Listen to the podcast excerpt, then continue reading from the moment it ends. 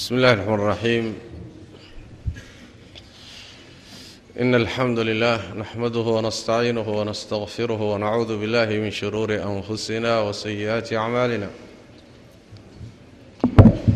من يهده الله فلا مضل له ومن يضلل فلا هادي له وأشهد أن لا إله إلا الله وحده لا شريك له وأشهد أن محمدا عبده ورسوله يا أيها الذين آمنوا اتقوا الله حق تقاته ولا تموتن إلا وأنتم مسلمون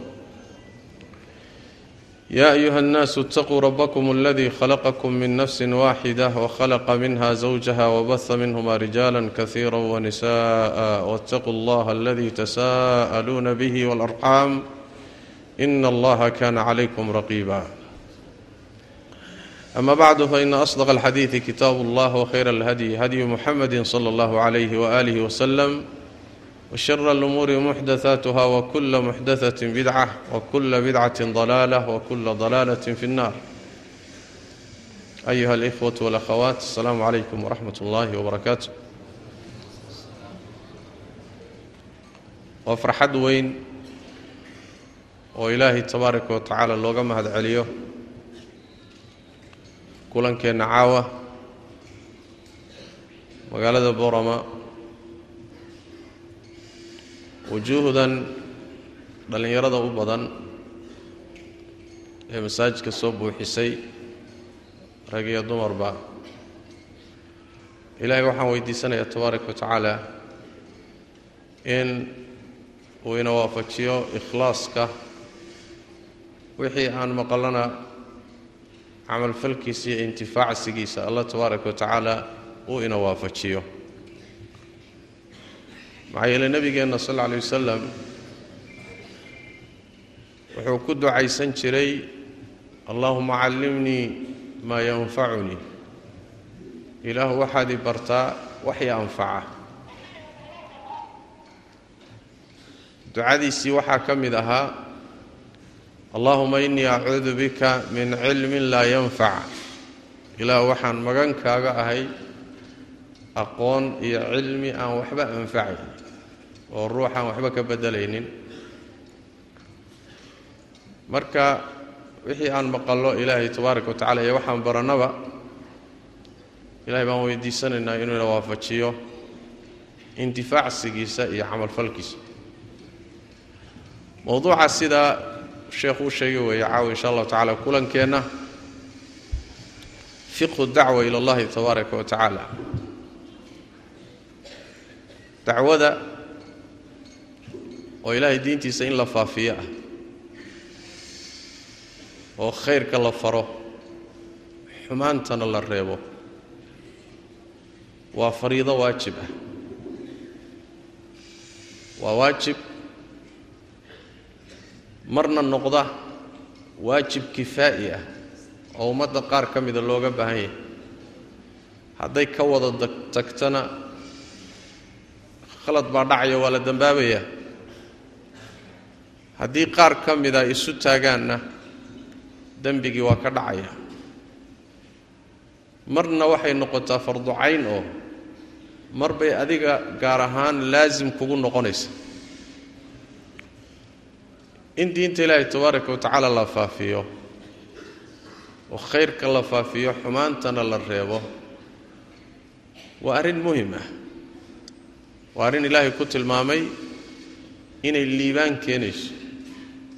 Sida rabbi qur'aanka inoogu sheegay waltakun minkum ummatun yadcuuna ila alkhayr waya'muruuna bilmacruuf wayanhawna can ilmunkar wa ulaa'ika hum lmuflixuun koox in laydinka helo wey koox khayrka dadka ugu yeedha. Wanaagga farta. Xumaanta reebta. Kuwa un baana liibaanay buu alla yidhi tabaaraka wa tacaala. Ummadda nebigeenna sal alla alay wasalam ee muxamadiyada ah ummadahay ugu khayr badan tahay. Khayrkeeduna wuxuu ku jiraa inay ilaahay risaaladiisa xambaarto oo ay faafisoy fidiso. Sida ilaahay qur'aanka inoogu sheegay kuntum khayra ummatin ukhrijat linnaas ta'muruuna bilmacruufi wa tanhawna cani ilmunkari wa tu'minuuna billah. Ummad la bixiyo oo la saaray ayaad ugu khayr badantihiin oo dadka loo saaray khayriyadu xaggee ku jirtaa xaaladaad khayrka leedihiin waa markaad wanaagga faraysaan xumaantana reebaysaan allana rumaynaysaan. Haddii taa laydinka waayo khayriyadiinnu waa lumaysaa. Khayriyada ummaddani waxay ku jirtaa marka inay u adeegto ilaahay diinkiisa tabaaraka wa tacaala. Saan ogsoonnahay walaalayaal. Ummadihii inaga horreeyey ree bani israa israa'iil oo kale nebi markuu dhinto nebi baa ka dambayn jiray rasuul baa gadaashii la soo diri jiray. Isagaa xilka qaadi jiray. Diinta faafinteeda isu taagi jiray. Laakiin ummaddeenna ilaahay wuxuu qadaray tabaaraka wa tacaala hal rasuul ah oon laga dambaynin inay yeelato. Nebi maxamed markuu geeriyooday salawaatu rabbi wasalaamu calayh xilkii waxaa la wareegay ummaddiisa. Saxaabadii ugu horraysay baa xilkii la wareegtay ayagii baa diintii faafinteedii ka howlgalay. Mashriq iyo maqrib bay gaadhsiiyeen. Xilkii wuxuu ku wareegay taabiciintii oo saxaabada ardo u ahaa. Saasay ummaddu xilkiiyo mas'uuliyadda u kala dhaxashay ilaa innaga ay ina soo gaadhay. Mas'uuliyaddu marka innagay ina saaran tahay oo cid kaloo ilaahay u soo diraya ma jirtee innagaa la rabaa inaan diinta rabbi tabaaraka wa tacaala faafinno khayrka farno oo wanaaggana aan dadka ugu yeedhno wixii xumaan ahee ilaahay tabaaraka wa tacaala diinkiisa ku khaldanna in laga hortago oo la reebo sidii lagu yarayn lahaa ama lagu tirtiri lahaa lagu baabi'in lahaa.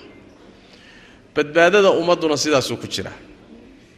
Ummaddan hadday ka tagto mas'uuliyaddaa ay dayacdo waxaa ka dhalanaya khaladka la samaynaya ee dadku qaarna ay samaynayaan qaarna ay ku fiirsanayaan qaar dembigii bay gelayaan oo cisyaankii bay gelayaan qaarna kama reebayaana way ku fiirsanayaan.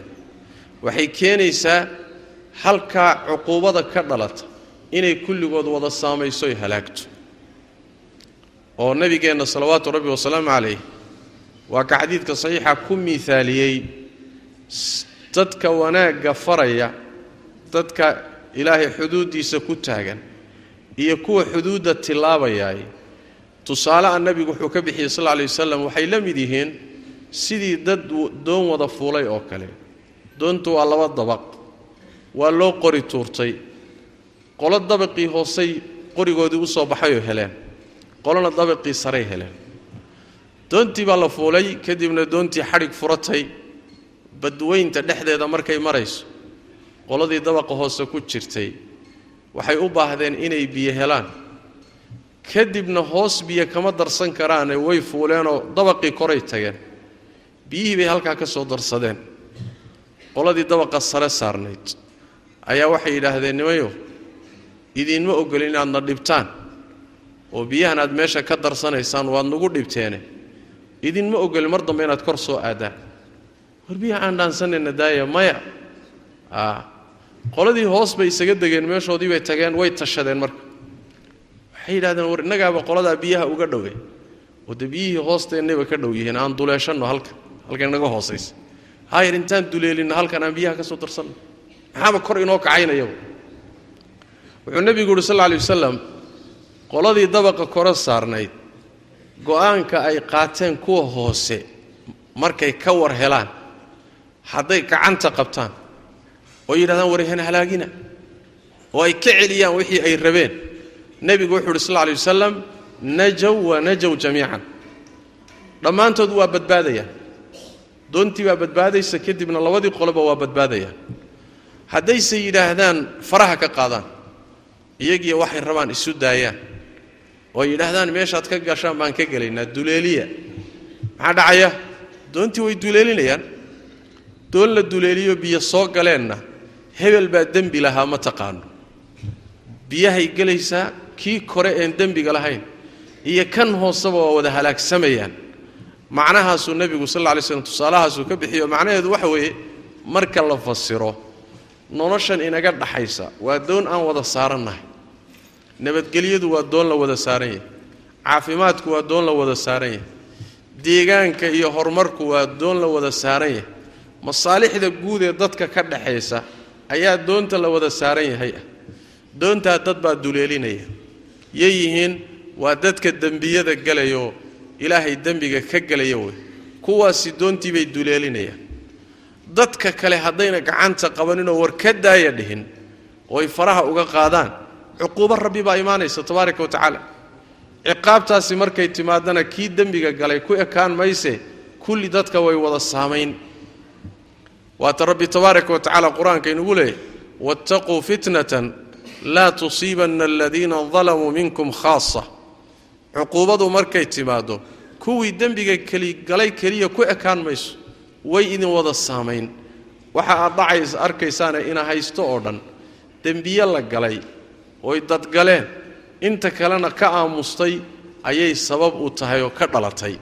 Sidaas daraaddeed badbaadada ummaddani waxay ku jirtaa inay waajibkaa isu taagto oo waajibkaa isu kaashato oo ninka muxuu ahaaye aqoonta leh aqoonta uu faafiyo oo ninka dhaqaalaha leh dhaqaalaha uu ku garab istaago oo ninka xukunka hayee awoodda haya awooddii uu ku garab istaago oo isticmaalo oo ninka qalinka qalinka uu isticmaalo oo hooyadu muxuu ahaye ay iyadana dowrkeediiyo kaalinteeda qaadato ummaddani jiritaankeedu wuxuu ku xidhan yahay in ay xilkaasi isu kaashato oo ay ka wada shaqayso markaasaa ilaahay barakaynaya tabaaraka wa tacaala khayraad u furaya.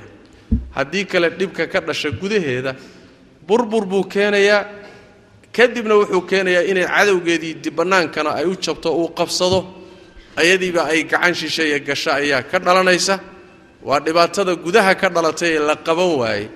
Dabkaasaa hulaaqaya ilaa uu dalkii iyo muxuu ahay deegaankii iyo noloshii oo dhan dhibaato u geysto. Dacwadu marka innagaa ku noolo diinta rabbi oo dadka la gaadhsiiyo maslaxadeennaa ku jirta adduuniya aakharaba taa horta waa qodob muhima inaan idinku baraarujiyo. U baahan saas daraaddeed baa nebigeenna salawaatu rabbi wasalaamu calayh oo ilaahay ugu jeclaa addoommada oo sayidulbashar ahaa shaqadiisii waxay ahayd inuu dadka khayrka ugu yeedho xumaantana ka reebo. Wadiifadaa iyo shaqadaasi marka wax ka fiican ma jiro wax la qabto oo kownka dhexdiisa ama dhulka korkiisa lagu qabto shaqada u fiican wey inaad noqoto adeege ilaahay diinkiisa u adeega tabaaraka wa tacala wuxuu alla jecel yahay faafiya wuxuu rabbi necab yahayna ka hortaga shaqo ka fiican oo la qabtaay ma ay jirto. Waa wadiifatu alambiyaa waarusul dadkii ilaahay uu jeclaa shaqadoodii wey qodobka haddaan intaa kaga soo gudbo oo dacwada iyo ahmiyaddeeda aan intaa kaga baxo shay walba wuxuu leeyahay fiqhi buu leeyahay fiqhiga waxaa laga wadaa in la fahmo oo jidkiisii saxda ahaa la mariyo. Oo aan si khaldan loo isticmaalin. Fiqhiga macnahaasaa laga wadaa haddii aad shaygan jidkiisii gara mariso qaabkii loogu talagalay qaab ahayn aan ahaynna aada mariso markaasi yacni fiqhigii buu garab marsan yahayoo markaa waa jid khaldan marka waxaa loo baahan yahay salaaddu fiqhi bay u baahantay. Haddii fiqigeeda aadan la imaan dee salaaddu ma saxmayso. Oo xajkii fiqhi buu u baahan yahay oo soonkii fiqhi buu u baahan yahay oo dacwadii fiqhi bay u baahantay oo siyaasaddii fiqhi bay u baahantay oo qoyskii fiqhi buu u baahan yahay oo mujtamac iyo bulshadii fiqhi buu u baahan yahay. Shay kasta jid buu leeyahay in jidkiisa la mariyo u baahan yahay. Hadduu jidkiisa garab maro dhibaato weyn baa ka dhalanoo maslaxadii loogu talagalay markaa lagu gaadhi maayo. Dacwadaasi marka fiqhi bay leedahay. Dariiqa iyo qaabka diinta loo faafiyo ee mujtamaca muslimkaa dhexdiisa looga faafiyo ee kuwo kaloon muslim ahayn loo gaadhsiiyo oo loo soo islaamiyo dariiq bay leedahay. Jid bay leedahay. Jid loo maray leedahay. Jidkaasina wuxuu u baahan yahay barashuu u baahan yahay buu u baahan yahay raadin buu u baahan yahay kadibna dabaqid iyo in lagu socdo u baahan yahay haddii la waayo maxaa dhacaya? Waxay isu beddelaysaa meeshii maslaxo laga rabay mafsadaa ka dhalanaysa meeshii wanaag laga rabay xumaan baa ka soo dha ka soo baxaysa. Wixii la rabay lama gaadhayo markaa. Arrintaa way marka arrinta muxaadaradu ku saabsan tahay. Waxaan jeclahay inaan dhowr qodob oo muhiim ah aan dul maro. Qodobka ugu horreeya oo loo baahan yahay daaciga inuu ilaaliyo ruuxa dacwada isu taagaya ka qayb qaadanaya faafinta diinta iyo dadka oo ilaahay tabaaraka wa tacaala loogu yeedho waxaa ugu horreeya cilmi baa ugu horreeya alcilmu asharci ruuxu waxa uu faafinaya dadka u sheegaya waa inuu aqoon u leeyahay. Hadduusan aqoon u lahayn dhibka uu la imaan karaa ka weyn waxa uu maslaxo keeni karo bimacnaa addaaciya waa inuu caalim yahay. Muxuu caalim ku yahay? Wuxuu dadka ugu yeedhayo shardi maaha inuu noqdo caalim baxar ah oo culumta shareecada wada yaqaana kulli ma aha laakiin waxa uu markaa dadka u sheegaya waa inuu aqoonteedii leeyahay. Waxyaabaha qaar waxaa jira culimihii caamaba waa la yaqaanaa. Salaaddu waa waajib nin kasta waa yaqaanaa war dilka dadka xaqdarrada lagu dilaya inay xaaraan tahay nin walba waa yaqaanaa zinadu inay xaaraan tahay nin walba waa yaqaanaa sakadu inay waajib tahay nin walba waa yaqaanaa tafaasiisheeda waa kaa qarsoomi kartaa marka arrimo waxaa jira culimihii caamaba la wada yaqaano. Arrimaha qaarkoodna barasho khaasay u baahan yihiinoo waxa aad gudbinayso marka waa inaad aqoon u leedahay. Waa ka rabbi yidhi tabaaraka wa tacala qur'aanka kariimka qul haadihi sabiilii adcuu ila allahi calaa basiiratin ana waman ittabacanii wa subxaana allahi wamaa ana min almushrikiin jidkaygii wakaa aniga iyo inta i raacsanna isagaan dadka ugu yeedhaynaa annagoo basiiro ku dul sugan markaan dadka ugu yeedhayno jidka basiiraan ku sugannaa basiirada maxaa laga wadaa waa cilmi iyo xikmad wey haddaadan marka cilmigeediiyo aqoonteedii lahayn dadka ha hor istaagin waxa sheegin horta waxbaro waxbaro waxa aad gudbinayso waa inaad garanayso. Aayadda aad soo qaadanayso waa inaad tafsiirkeeda si fiican u garanayso. Xadiidka aad dadka ku wacdinayseed u sheegayso waa inaad laba qodobba iska hubiso ma sugan yahay horta. Markuu sugnaadana waa inaad macnihiisa sixi karto. Haddii aadan garanaynin waxaad dadka u sheegayso khaladaad fara badan baa kaa dhacaya. Halkaasaa marka waxaa imaanaysa dadku waa laba. Nin aan aqoon lahaynoo la rabo inuu fadhiistooo wax barto. Nin aqoontii lahoo aqoontii inuu gudbiyo la doonayo. Laakiin ruuxii aan aqoonta lahayn inta la soo kaxeeyo in dadka la hor istaajiyo la yidhaahda diin u sheeg. Dee muxuu sheegi? Yaa muxuu sheegi oo dad u sheegi? Isagii baa u baahan in wax la baree. Arrintaasi marka dariiqo saxsan maaha. Fiqiga ugu horreeya wuxuu ka bilaabanayaa in diinta la barto saas daraaddeed nebigeennu sal alay waslam xaggee buu wax ka bilaabay. Wuxuu wax ka bilaabay inuu dadka diinta baro. Huwa aladii bacata fi lummiyiina rasuula minhum yatluu calayhim aayaatih wayusakiihim wayucallimuhum alkitaaba walxikma wuxuu ka bilaabay inuu dadka aayaadka ku dul akhriyo inuu dadka diinta baro inuu dadka diinta ku tarbiyeeyo. Shaqadii nebi maxamed wataa salawaatu rabbi wasalaamu calayh. Bariddaa uu barayey ee uu dadka wax barayey ardadii ka soo baxday iyo culimmadii ka soo baxday baa markii dambena diinta faafisay oo adduunka gaadhsiisay. Sidaas daraaddeed awal shay waxaa laga maarmaan ah inuu daacigu yahay waxa uu dadka ugu yeedhaya inuu aqoonteeda leeyahay. Haddaadan aqoontii lahayn ha dhiiranin ha dhiiranin.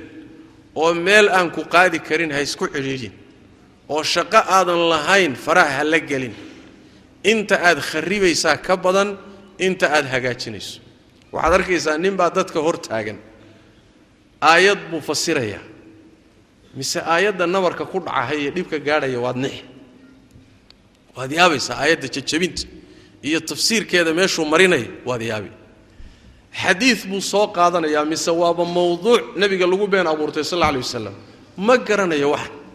Waa daciifoo nebiga kama sugna salawaatu rabbi wasalaamu calayh markaasuu dadka la hortaaganya haddana kaaga darane markii la yidhaahdo war ma sugna qaadan mahayo qaadan mahayo nin baa wuxuu ii sheegayey masaajid baa mid ka taagan baan arkay buu yidhi oo caamaya oo dad wacdinaya. Marka xadiis buu akhrinayaa buuhi markaasaa waxaan ku yidhi buuhi warniyo xadiiskuna xadiis mawduuca wey oo nebiga ka sugnayn oo been abuurad ah. Markaasaan intaan u yeedhay markuu ka baxay baan waxaan ku yidhi buuhi warniyo xadiiskani nebiga sal lay slam kama sugno waa been abuurade haddaadan horay u aqoonin ha ku noqonin mar dambe. Waayahay buu ihi wuu iga tegey. Maalin dambe aan waxaan arkay buu idhi isla xadiidka laftiisii isagoo masaajid ka taaganoo haddana deliishanay laftiisii u akhrinaya. Marka ka soo ka soo baxayba waxaan ku idhi buuhi war maalintii hore kuuma sheegin inuusan xadiis ahayn waxani maxaad nebiga ugu been abuuranaysa markaasuu wuxuu yidhi waan ka shuuraynayoo xadiisku inuu sugan yahaa noo soo baxday walu fiirsa adiga. Ma xadiid baa shuurayn lagu sugaa? Oo daciifkiisa iyo saxiixiisa shuurayn lagu ogaada? Marka waxbaad kharibi haddiiba aadan aqoon lahayn waxaad hallaynaysaa ka fara badan. Nebigeennu salawaatu rabbi wasalaamu caleyh muxuu yidhi balliquu cannii walow aaya. I gaadhsiiyoo dadka waxaad iga gaadhsiisaan hal aayadna ha noqotee wuxuun dadka iga gaadhsiiyey. Maxaa laga dambaysiiyey intaa keliya xadiidku maaha intaa keliya maaha maxaa lagu xijiyey? Waxadiثuu can bani israa'iila walaa xaraj reer bani israa'iil ka sheekeeya cidhiri iyo dhib ma lehe. Maxaa laga dambaysiiyey waman kadaba calaya mutacammidan falyatabawa' maqcadahu min annaar. Ciddii aniga igu been abuurata oo waxaanan dhihin iga yeedhsiisa oo waxaan iga sugnayn dusha iga saartana naarta meeshuu ka geli lahaa haw diyaar garoobu nabig sal lay slm u fiirso. Marka waxaa laga yaabaa ruuxani balliquu canii walow aaya buu la taagan yahay laakiin qaybta dambe xadiiska haddaad fiiriso waxaa laga yaabaa wax hagaaji buu isleey laakiin waxbuu hallaynaya aafadu xaggee ka timid marka aafadu waxay ka timid aqoon darrada aqoon darradu marka dhibkeeday leedahay. Waxaa la rabaa marka fiqu dacwa ila allah wuxuu ka bilowdaa dadka aqoonta leh ee waxay gudbinayaan garanaya waa in dacwada faafinteeda iyo fidinteeda ay khaas ku noqdaan. Ruuxii inuu daaci rabta raba noqdo inuu daaci noqdo oo barnaamijkaa ka qayb qaatana waa inuu horta wax soo barto. Qodobkaasi waa qodobka u horreeya qodobka xigaayi waxa weeye dacwada ilaahay tabaaraka wa tacaala wuxuu ku kulmiyey oo sideedaba ay ku dhisan tahay laba tiir labada tiir waxa weeye mid waa wixii xumaana in la inkiro. Ta labaadna waa wixii wanaagga dadka in la faro. Labadaa tiir bay dacwadu ka kooban tahay. Labadii tiir inaad mid meesha ka saarto oo tidhaahdo anugu khayrkan baan dadka fari munkarkana ka hadli maayo. Ama inaad tidhahdo aniga munkarka unbaa shaqadayda laakiin khayr sheegi maayo. Khayr dadka ugu yeedhi maayo laakiin wixii munkareen arko kaa umaan dagaal kula jira oo kii kalena kii kale ima khuseeya ayadana waxa weeye waa kafad dheellisan waay. Labadan kafadood baa la rabaa inaad isu dheelitirto dacwadu waxa weeyaan inkaaru lmunkar iyo alamru bilmacruuf. Wanaagga inaad farto wixii khayra dadka ugu yeedho xumaantana aad inkirtood ka hor tagto labadaa qodob in laysku wadaa la rabaa. Ilaahay tabaaraka wa tacaala labadooda waa laysku lamaaniyo aayaddii hadda aan akhriyayni kuntum khayra ummatin ukhrijat linnaas. Maxaa ka dambeeya? Ta'muruuna bilmacruuf wa tanhawna cani ilmunkar haa waltakun minkum ummatun yadcuuna ila alkhayr waya'muruuna bilmacruuf wayanhawna cani ilmunkar waalmu'minuuna waalmu'minaatu bacduhum wliyaau bacdin ya'muruuna bilmacruufi wayanhawna cani اlmunkar labadaasi way iswadaan marka. Wixii shareecada ku khaldan oo diinta ku khaldan oo mujtamaca aad ku aragtana waa inaad diiddo oo tidhahdo war waa khaldanta. Munkarka waxaa ugu weyn shirkiga bidcada. Waxaa ka mida yani dunuubta waaweyn iyo kuwa yaryarba. Munkaraadka inaad mujtamaca ka baraarujtoo tidhaahdo war iska daaya war hala joojiyo. Macruufkana waxaa u weyn tawxiidka sunnada waajibaadka iyo faraa'idda diinta sunanka iyo mustaxabbaadka waa wixii ilaahay jecel yahay.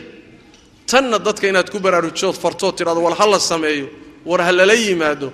Labadaasi haddii aad mid meesha ka saarto waa kafad dheellisan waana manhaj khaldan waana fiqigii dacwada iyo fahamkeedii oo meesha laga saaray wey dariiqooyinka qaar ka mid iyo ducaadda qaar ka mid a masaladaa iyadaa ku khaldan oo waxay la noqotay dadka haddiiba munkarka laga reebo dadkiibaa didaya.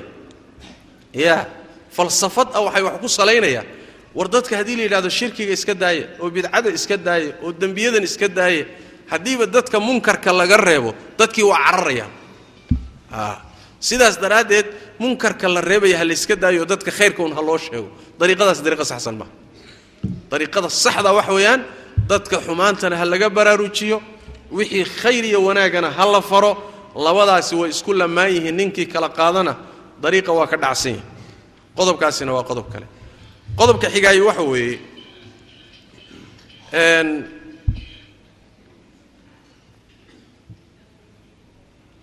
hadafka iyo ujeeddada dacwada laga leeyahay.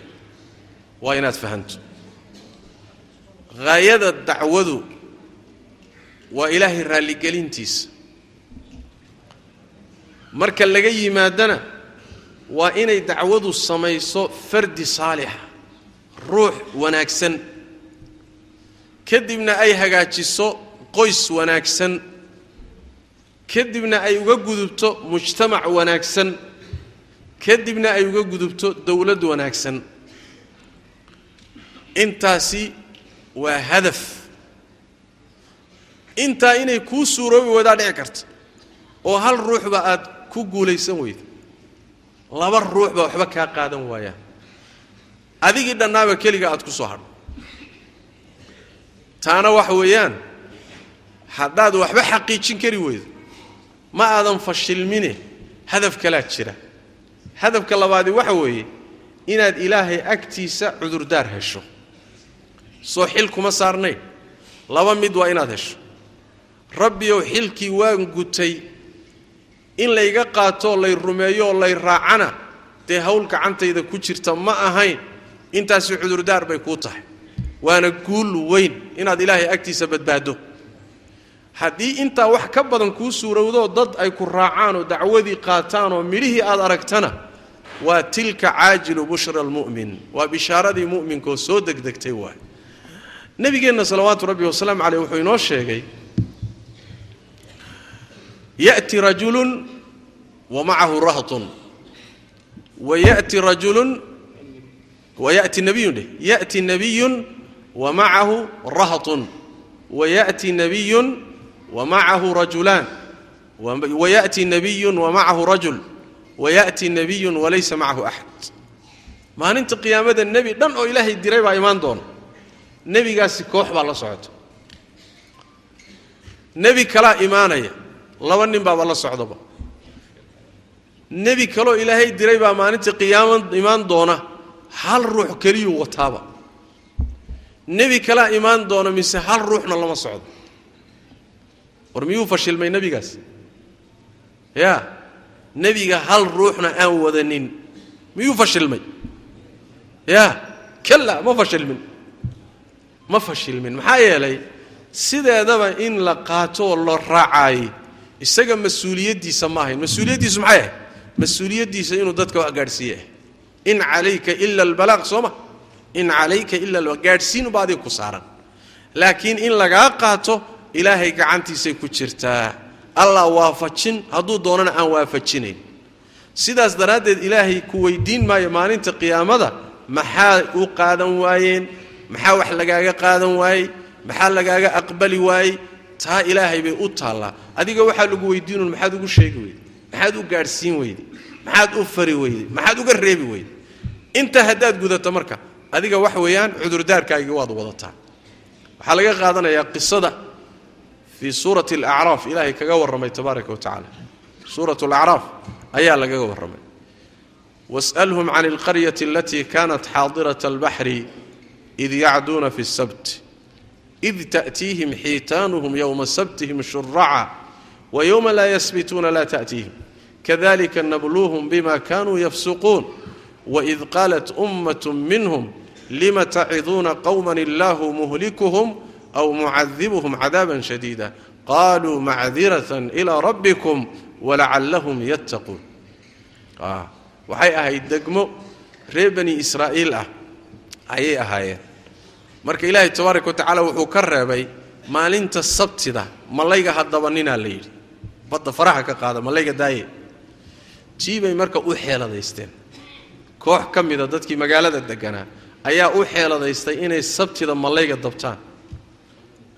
Mallayga ama kalluunka. Mallay malagama yaqaano meeshaan miya? Ya a kalluun dhe marka.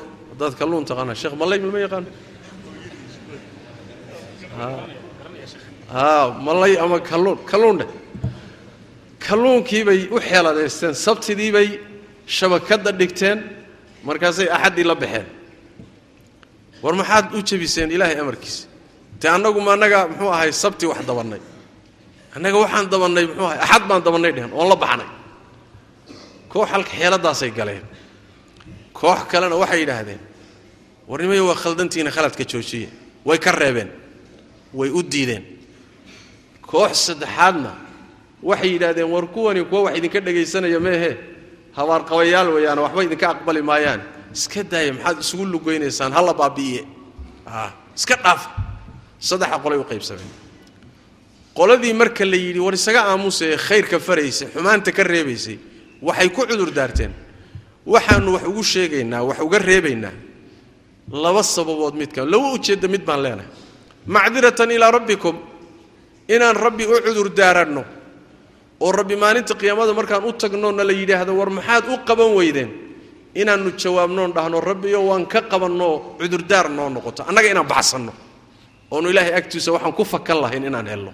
Qodob wey qodobka labaadi waxa weeye walacallahum yattaquun inay baqaan oo ilaahay ka baqaan oo qaataanna waa suuroobi kartaa. Ilan lagama quustee ya inay wax naga qaataanna waa suuroobi kartaa oo wax yani waxa weeyaan mustaxiila ma ah. Waa wax dhici kara inay naga qaataan. Haddayse nagaba qaadan waayaan guuldarro ma ahoo dee ilaahay agtiisaan cudurdaar ka helaynaa labadaa mid way marka. Adugu dadku inay wax kaa qaataan iyo iyo inaad ilahay agtiisa cudurdaar ka hesho labadaa mid bay noqonaysa. Ha u qaadanin marka. Haddii wax ku raacaba aad weydo inaad fashilan tahay. Ha u qaadanin haddii lagu maqliba waayaba in aad muxuu ahay midho la'aan tahay waxaa loo baahanya inaad fahamsan tahay xilkan ilaahay ku saaray haddii lagaa yeelana waa khayr iyo siyaado. Waxaaga wax lagugu darwey haddii wax kaa yeela aad weydana waad guulaysatay dariiqa ku dhimo oo halkaa hay. Guuldarro ma tiida waad ku guulaysatay. Fahamkaasina wuxuu ka mid yahay dacwada ee fiqhigeeda. Lacallahum yattaquuna iyaduna waxay tilmaamaysaa sideedaba dadka aad wax u sheegayso ee aad diinta u sheegayso in ay wax kaa aqbalaan ha ka quusanin ha ka raja gu'in yaa marnaba rajadaadu yayna xumaanin. Si kasta haddii lagula dagaalamo oo si kasta laguu naco oo si kasta laguu cadaadiyo ha u qaadanin marnaba ha fahmin. Waa khalad inaad fahanto in dadkani ay khayrlaawayaal yihiin ood quusato markaas. Ma jirto. Dadkan ilaahay baa quluubtooda gacanta ku haya. Ilaahay baana tabaaraka wa tacaala quluubtooda rogroga. Siduu doonana ka yeeli. Adiga waxaa guul ku ah adigoo dariiqii haya inaad geeriyooto. Taasaa guul ku ah. Taas marka waxa weeye iyadana waa qodob muhima oo ka mida fiqhu dacwa ila allahi tabaaraka wa tacaala. Maanta waxaa liibaan weyna. Waxaa liibaan aad iyo aada u weynaa ducaadda iyo dacwada midhihii oo maanta muuqda. Soomaalida dacwadeeda iyo saxwadeeda iyo baraarugeedu wakhti aan fogayn buu bilowday. Raggii bilaabay baa weli nool. Haddana maca daalika midhahan cajabta badan baa ka soo baxay. Dumarka soomaalidu ma xijaabnaan jirin. Xijaabkan magaalooyinkii wada gaadhay ayaa ka soo baxay. Masaajiddaad arkaysaan ee dhallinyarada meel laga kala fadhiista lala'yah dhowr oday baa ku tukan jira dhowr oday baa ku tukan jiray bal waxaan aniga garanaya aan xusuusnahay dhallinyaraan ahaaye dhallinyarada tukata waa la dacaayadayn jiray oo annagoo xataa xishoonnaan garanayaayoo salaadda ka xishoon oo nala dacaayadeeyo oo yidhaahdo la yidhaahdo muxuu ahayey say biyo ugu wadeen buu maxaanahay yuu bahalkii ka qoyey oo ka jilcay oo bahal dacaayadda farahna lagaga qaado. Oon dhuundhuumanno baan garanaya ilan shaaricii iyo mujtamacii wixii baa laga haysta salaad la'aantii baa haalib ah. Dumarka iyaga warkooda iska baddaa. Inan tukata in la helaayo naadir bay ahayd. Yacni haweenay la qabo. Ama muxuu ahaayey mid la furay oo oo carmala ama garooba inay tukato way suroobi kartaa laakiin inan gashaanti oo tukataay naadir bay ahaan jirta. Yaa habar tukatay ahaan jirta habar tukatay ahaan jirta.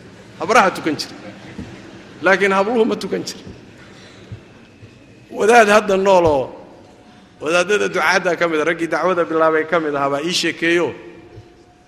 Isagoo malaha bari jooga buu wuxuu u baahday inuu guursado ee gabadh inan ah oo guursado. Inan muxuu ahaay gashaanti ah oo uu guursaduu raadiyey oo tukata. Bari baan ka bilaabay buuhi gobollada dhaxaan maray buuhi intaa muxuu raadgoobahaya inan salaad tukata. Inan qur'aan taqaana maaha inan cilmi taqaanana maaha waa inan tukato oo afar shanta salaadood tukata.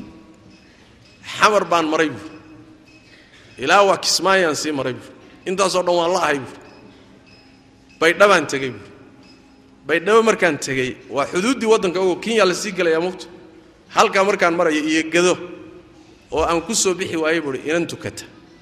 Ayaan marka dan waxaa isku qanciyey buui wartaa heli mayside bal inan uun aabbaheed sheekh yahay oo guri culimo uun ka soo jeeda. Bal raadi. Markaasaa idhi buu waa tanaasulay ma og tahay walba qoys wadaadda ah inan ka soo jeeda ha lai raadiyo gabadh inan aabbaheed macallin baa lai keenay buuhi marka gabadhii markii lai meheriyey baan damcay buuhi de intaanaan gogosha isugu tegin bal inay salaadda tukato. Naabal weysaysaan idhi. Mise weysaba ma taqaan. Anigii baa tustusay oo weysaysatay markii dambe.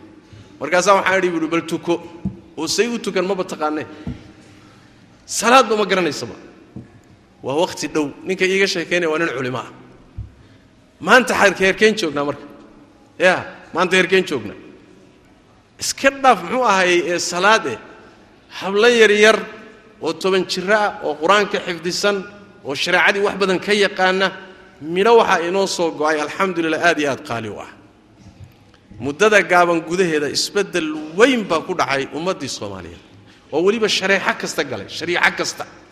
Ya xataa siyaasiyiintii ugu fogaan jiray diinta. Maanta waad aragteenoo markay doorasho galahayaan. Gadaal dambe waxay ka sameeyaanba nin walba wuxuu ku doorasho galahayaa wardiqaadkana ma cuno sigaarkana ma cabo dee ninka ugu liitaa wuxuu leeyahay hadda goorba waxaan dhegaysanayay somaliland rag ka tirtaba mid ka mid. Nin markaasi muslima ma ahayn qoladii muxuu ahay gaalada lagu xaman jiray buu ahaa.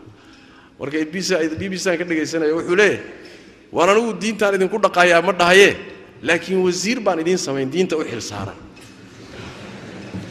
wasiir diinta u xilsaaran baan idiin samayn buu leeyahay. Intaasuu doorasho ka raadinaya kii kale muslima waa meeshiisaba waxa maxay kutusaysaa waa isbeddel yimid waa. Isbeddel xataa siyaasiyiintii galay waa. Waxa inoo dhimanna insha allahu tacala wuu dhammaystirmi doonaa laakiin waxaan doonayaa inaan idhaahdo runtii midhihii la beeray iyo muxuu ahay midhihii dhulka la geliyey way soo baxeen. Wax badanna ilaahay tabaaraka wa tacala waa inoo xaqiijiyey. Arrintaasi marka waa arrin mushajica waa arrin ku dhiiri gelinaysa waa arrin lagu farxo weeye. Ilaahayna tabaaraka wa tacala aan rajaynayno noo dhammaystiri doono. Marka waxaa muhiim ah in aynu ogaanno midhahani waa siyaado ilaahay bixiyo. Laakiin maqsuudku waxa weeye xilkani waa xil ku saaran ama ha lagu raaco ama yaan lagu raacin qodobka kale muhimkaa waxa weeyaan dacwada fiqigeeda ka mid ah tarkulisticjaal degdega. Midhaha inaad degdegsato inaad ka tagto. Yacni ta'aniga iyo kaadsiyoonida iyo degdeg la'aanta ayaa waxay tahay dacwada maslaxadeeda. Haddii midhihii sanad dambe soo bixi lahaa ama ka ka dambeeya bixi lahaa ee soo go'i lahaa aada isku daydo sanadkan inuu kuu go'o. Waxaa kugu dhacaysa dalag la'aan baa kugu dhacay. Beertaada aada maanta beeratay ee ee ee dheellida ah ee cusub ee curdanka ah ee loo u baahan inay laba bilood oo kale sii joogto si ay midhuhu u soo baxaan oo u adkaadaan. Haddii intaad sugi weydo aad tidhaahdo waar muddadaa dheer anigu ma sugi kare haddaan u baahnahay inaan goosto odayadii dhanba u qaadato muxuu ahaye ood jarto. Maxaa dhacaya? Waxaa dhacaya? Midho la'aan baa kugu dhacaysa. Yacani dalag la'aan baa kugu dhacaya juhdigaagii iyo dadaalkaagii baa khasaaraya. Intii yaraydeed soo beertay baa baaba'aysa. Waxaad ka heshay iska badhaaf.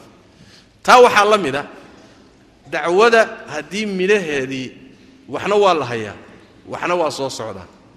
Wixii soo socdayoo wakhti u baahnaa haddaad istiraado xoog baan kaga dhalinaya. Xoog baan kaga dhalinaya. Intii horaad khasaaraysa. Waana masalada la yidhaahdo qaacidada ah man istacjala shay'a qabla awaanihi cuuqiba bixirmaanihi shay aan weli gaadhin ruuxii degdegsada shayga dhanba in laga qadiyo ayaa lagu ciqaabaa. Miaal waxaa noqon kara maalan nin baa islaan guursaday uur bay u yeelatay. Ilmihii bishii shanaad buu ku jiraa. Waxaa u laaban meeqo bilood. Afar bilood baa u laaban.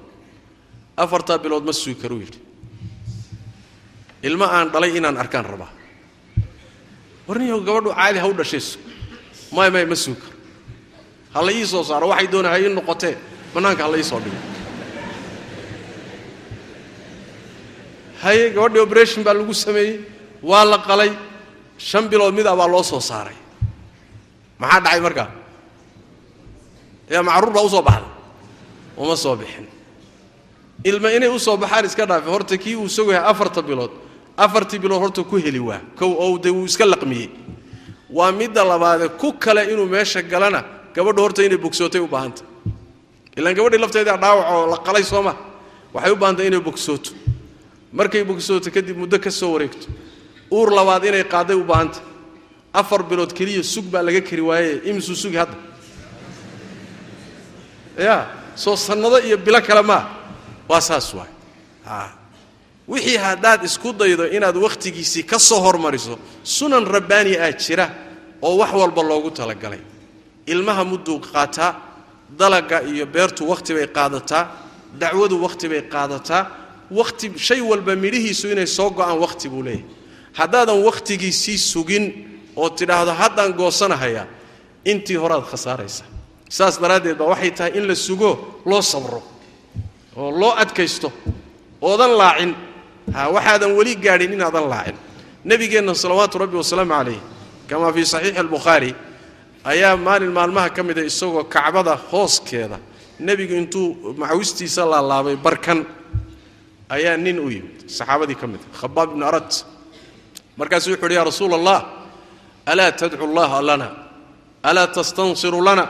Alaa taraa maa naxnu fiih rasuulka ilaahay oo waxaana haysta soo maaragti waa maka waa cadaaban yihiin waa rafaadsan yihiin soo dhibaatadana haysata maaragti maad ilaahay noo barid ood kaalmo noo weydiisa oo dhibkan inaan ka baxno maad ilaahay noo weydiisa markaasuu nebigu wuxu uhi sal alla alay wasalam wuxuu yidhi ummadihii idinka horreeyey ruux baa la keeni jiray.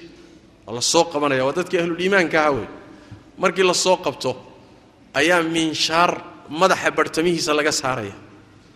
Waa lagu kirkiraya. Laba qaybood baa loo kala goynaya. Sidaasuu ku dhimanayaa isagoon diintiisii ka noqonin. Mid kale la soo qabanaya.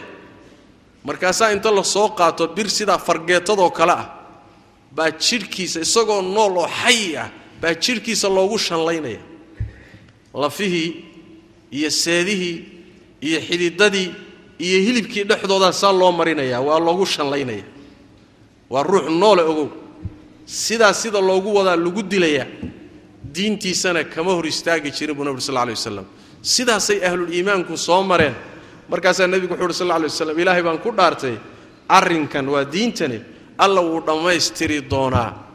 Ilaa intuu ruuxu ka soo baxo xadramowt uu yimaado meeshuu rabo uu yimaado ilaa madiine uu yimaado. Isagoon waxba ka baqayn isagoon waxba ka baqaynin dhulkaa uu maro.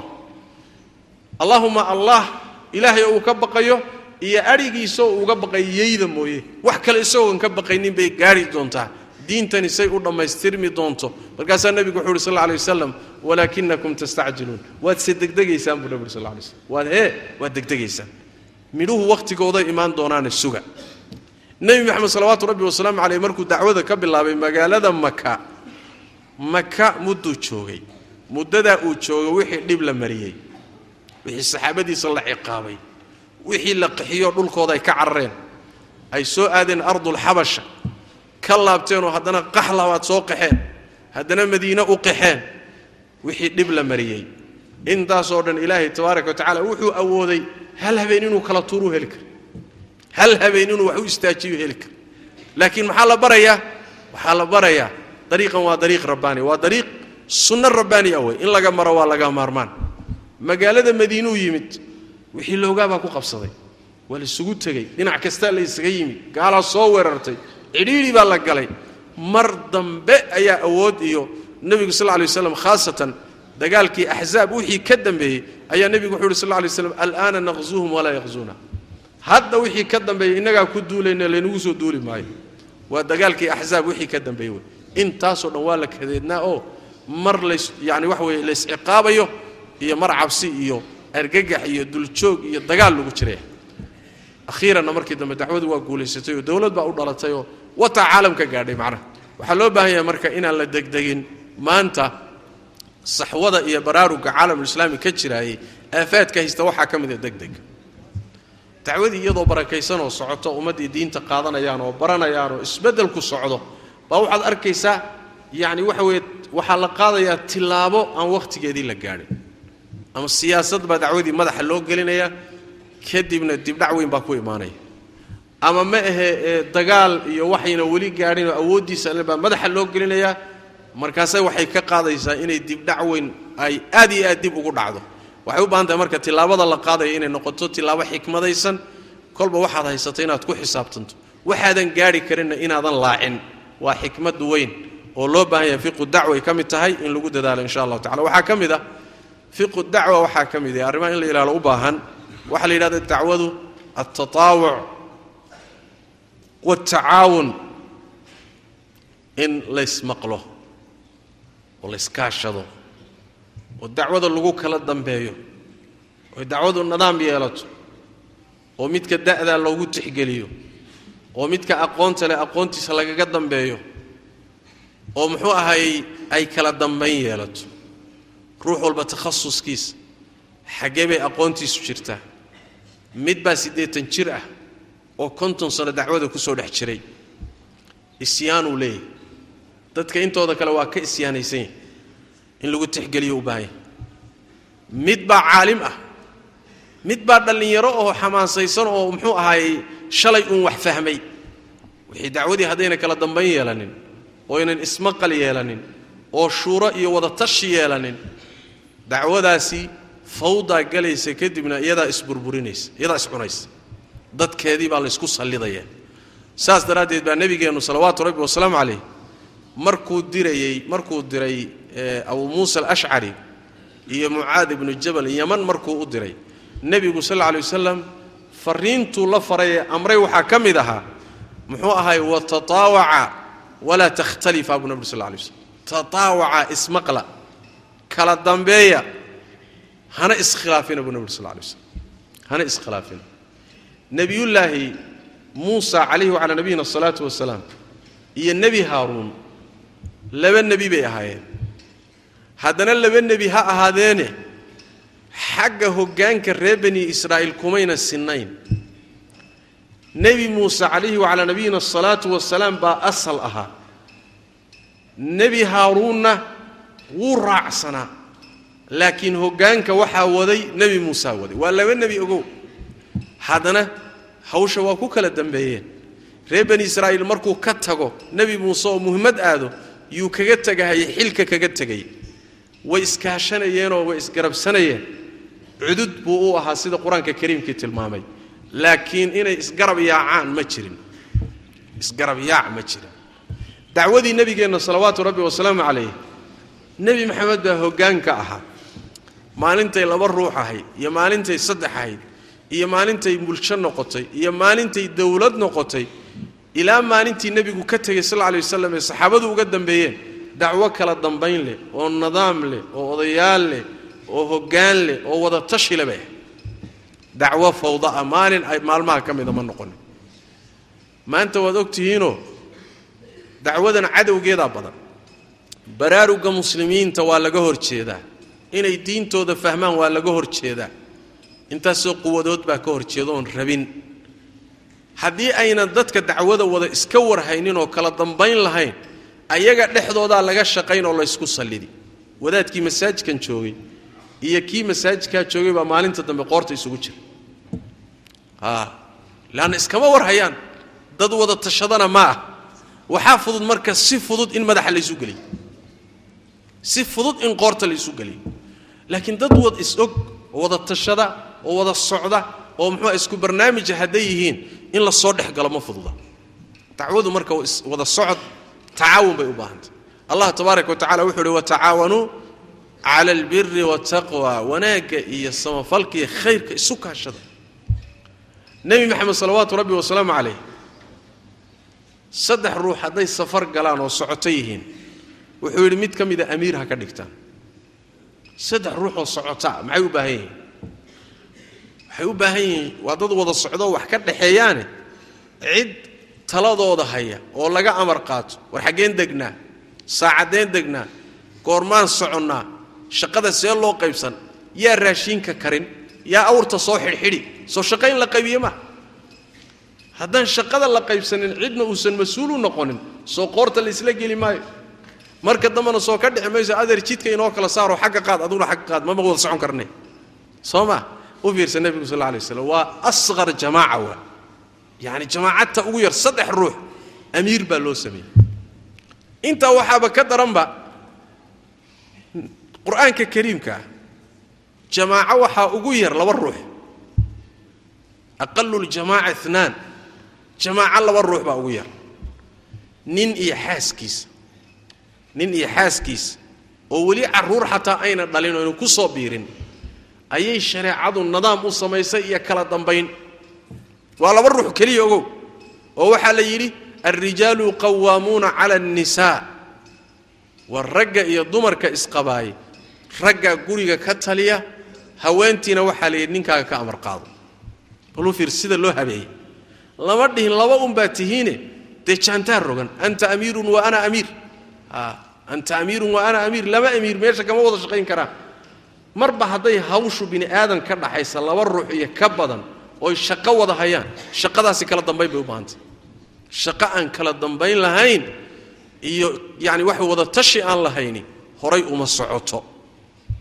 Asal bay marka u leedahay diintani in dacwadu fiqigeeda waxaa ka mid ah in ducaaddeedu wada socoto culimmadeedu wada socoto da'yarteedu ka dambayso sidaasi lagu midho dhaliyo khilaafka laga ilaaliyo laysmaqlo ruuxii horreeyey oo isyaanada lahaa oo asbiqiyada lahaa asbiqiyadiisa lagu ixtiraamo.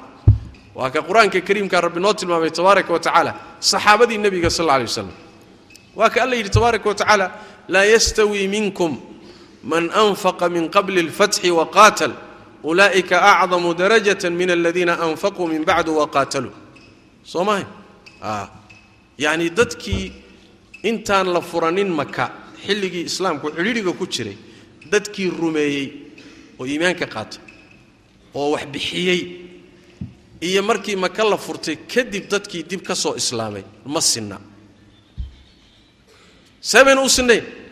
Xilli adag oo aad u adag oo dadka ay iimaanka yar yihiin ninkii intuu diinta soo galay garab istaagay oo xaalad adag soo maray iyo markay badhaadhay oy fiday oy xoogaysatay nin soo galay isku mid maaha wax kasta haddaad la timaadana ma gaadhi kartid. Waa kii nebigu lahaa salawaatu rabbi wasalaamu calayh. Markay cabdiraxmaan ibni cawf iyo isku dhaceen ninkii la dhihi jiray khaalid soomaalia ha cabdiraxmaan ibni cawf oo saabiqiintii hore ah iyo khaalid ibnu waliid oo bacda sulxi lxudaybiya soo islaamay baa isku yara dhacay markaasaa nebigu wuxuu uhi sal alla alay wasalam saxaabadayda ii daaya. Mid idinka idinka mida hadduu bixiyo mid iyaga ka mida buurta uxud waxaan u jeedaa mid idinka idinka mid a hadduu buurta uxud bixiyo ma gaadhi karo wax yar oo mid iyaga ka mida uu la baxay. Markaasaa nebigu wuxuu yidhi sal alla alay wasalam war saxaabadayda ma ii daynaysaa. Saxaabadayda ma ii daynaysaa. Yuu ku wada hadalkaa? Khaalid baa lagu wadaa. Khaalid waa saxaabi laakiin markay cabdiraxmaan ibni cawf iyo joogaan raggii saabiqiinta ahaa khaalid markaa waa laga xigaa nebiga salawatu rabbi wasalamu caleyh nebigu wuxuu leeyay saxaabadayda ii daaya bal cumar iyo markay isku dhaceen abubakr sidiiq cumar iyo abubakar baa wax dhex mareen. Xoogaa waa isku yara xanaaqeen. Abubakar baa nebiga u tegey sal alay wasalam cumar baa ka daba tegey nebigu wuxu uhi sal lla slam war saaxiibkay ii daayey saaxiibkay ii daayey markay abubakar iyo cumar noqoto abubakar baa saaxiib ah. Soo ma leanna waa ka horreeyey abubakar yani cumar oo gaal ah ayuu abubakar diintan soo garab istaagoo wax u soo qabtay. Cumar ma gaadhi karo marka. Soo ma jeeda cabdiraxmaan ibni cawf iyo raggii saabiqiinta waxay nebiga soo garab istaageen oo dacwadan soo garab istaageen. Khaalid oo gaalnimo ku dagaalamaya dib buu ka soo islaamay ma gaadhi karaa marka. Sidaas daraaddeed waa inay dacwadani kala dambayn yeelato ixtiraamkeeda yeelato asbiqiyadeeda yeelato. Nin walba wuxuu galay iyo wuxuu guday iyo wuxuu qabtay lagu ixtiraamo wey. Laakiin fawdadani dhibkeeday leedahay. Wiil yaroo muxuu ahay shan iyo toban jir ah ama siddeed iyo toban jir ah oo weliba xataa garh iska dhaafay xaaddii xataa ayna weli u soo bixin weli u soo bixin. Oo wax qumana ou akhrisanin ayaa sheekhii siddeetan jirka ahaa iska laalaadinaya warkuu sheegayba waa naqdinaya. Warxba maada sheegin buu leeyay dee hadal lama kala badiyee kanna waa hadlay kanna waa hadlay. Dadweynihii iyo caamadii meeshii la dhihi lahaa war wiilkan yarkae edabta daran sheekhaan laga qabto. Waxaa la dhihi mataqaana war culimmada kala gaadha. Culimada kala gaadha. Culimada kala qabtaa la leey war ma waxaasaa wax ku hagaagaan ilahay baan idinku dhaariyey. Waa balaayada maanta in haysato wey. Markaasuu nin walba intuu wadaantii soo qaatay buu wadaantii ku ritay. Dhallinyaradii kaxaysay dalkii burburi. Muxuu ahay aafuu ka dhaqaaqay. Waxaa la leeyaha waa culimo. Dee hebello waa hadlay hebello waa hadlay sheekhna waa hadlay sheekhna waa hadlay. Khalaas. Aafaa socota marka. Marka waxay u baahan tahay diintu asbaqiyay leedahay. Diintu oday bay leedahay. Diintu nin muddo ka shaqaynayay leedahay. Diintu caalim bay leedahay. Diintu marjiciyay leedahay. Fawda ma aha diintani. Dacwadanina fawda ma aha. Sidaas daraaddeed fiqiga waxaa ka mid a in dacwadani ay yeelato kala dambayn iyo ismaqal iyo tataawuc iyo yacni waxa weye ehelkeeda in lagu tixgeliyo loogana dambeeyo waa iyadana waa waxay ka mid tahay min fiqhi dacwa ila allahi tabaaraka wa tacala waxaa ka mid a fiqhiga dacwada waxaa ka mid a ee ataysiir ataysiir in dadka diinta aan lagu adkaynin in loo fududeeyo in loo fududeeyo oo tacsiirka iyo adkaynta laga daayo qalqallayfka iyo naxariis darrada iyo diintiiyo suuradeedii la xumeeyo oo laga dhiga wax iyadoo dhanba wada qallafsan oon lagu dhaqmi karin saas ma aha. A waxaa ka mid a qawaacidda shareecada taysiir baa ka mida nebigeenna sal lla lay waslam markuu dirayey ninkii la dhihi jiray mucaad iyo abu muusa dardaarankuu siiye waxaa ka mid a yasira walaa tucasira wabashira walaa tunafira. Haa dadka fududeeya diinta u fududeeya hana ku cuslaynina. Bishaareeya oo dadka khayr ugu bishaareeya ahluliimaanka oo dadka diinta ha ka eryinoo haka ha ka caydhinina haa dadka diinta ha ka eryina maxaa yeelay dadkii haddii diintii lagu adkeeyo waa cararayaan waa cararayaan adiguna fataan baad noqonaysa. Haa dadka duruuftooda waa inay diintu la socoto. Waxay qaadi karaan waa in la saaro. Waxaynan xamili karin waa inaan la saarin. Waa in duruuftooda la tixgeliya u baahanta. Nabigeenna sal lla lay waslam waa kii kamaa fi saxiixayn. Mucaadi ibnu jabal baa wuxuu ahaa nebiguu la tukan jiray sal lla lay waslam salaadda cisha. Salaadda markuu cishaha la tukada xaafad waxoogaa uu deganaa ka yara fog masaajidko xaafaduu degi jiray. Cishihiina wuxuu la soo tukaday nebiga sal lla lay waslam xaafaddii markuu tago ayaa la dhihi jiray marka salaadda naga bixina tusji salaaduu marka dadka ku dheerayn jiray. Asagu sunnuu tukanaya laakiin dadku waajibkoodii bay tukanayaan. Markaasuu suurado dheerdheer ku tujin jiray maalintii dambe nin baa intuu ku rafaaday oo salaaddii dheerayd keli waayey buu ka goostay oo isaga tegey intuu salaaddiisii dhammaystirtay buu iska tegey ninkii buu nebigu ku dacweeyey. Khaalid baa horta wuxuu yidhi waxaa loo sheegay ninkii hebel ah salaaddii buu kaa goosto intuu dhammaystay buu iska tegey waa munaafiq buu yidhi. Waa munaafiq. Yaa dhahay khaalid warkii buu maqlay ninkii.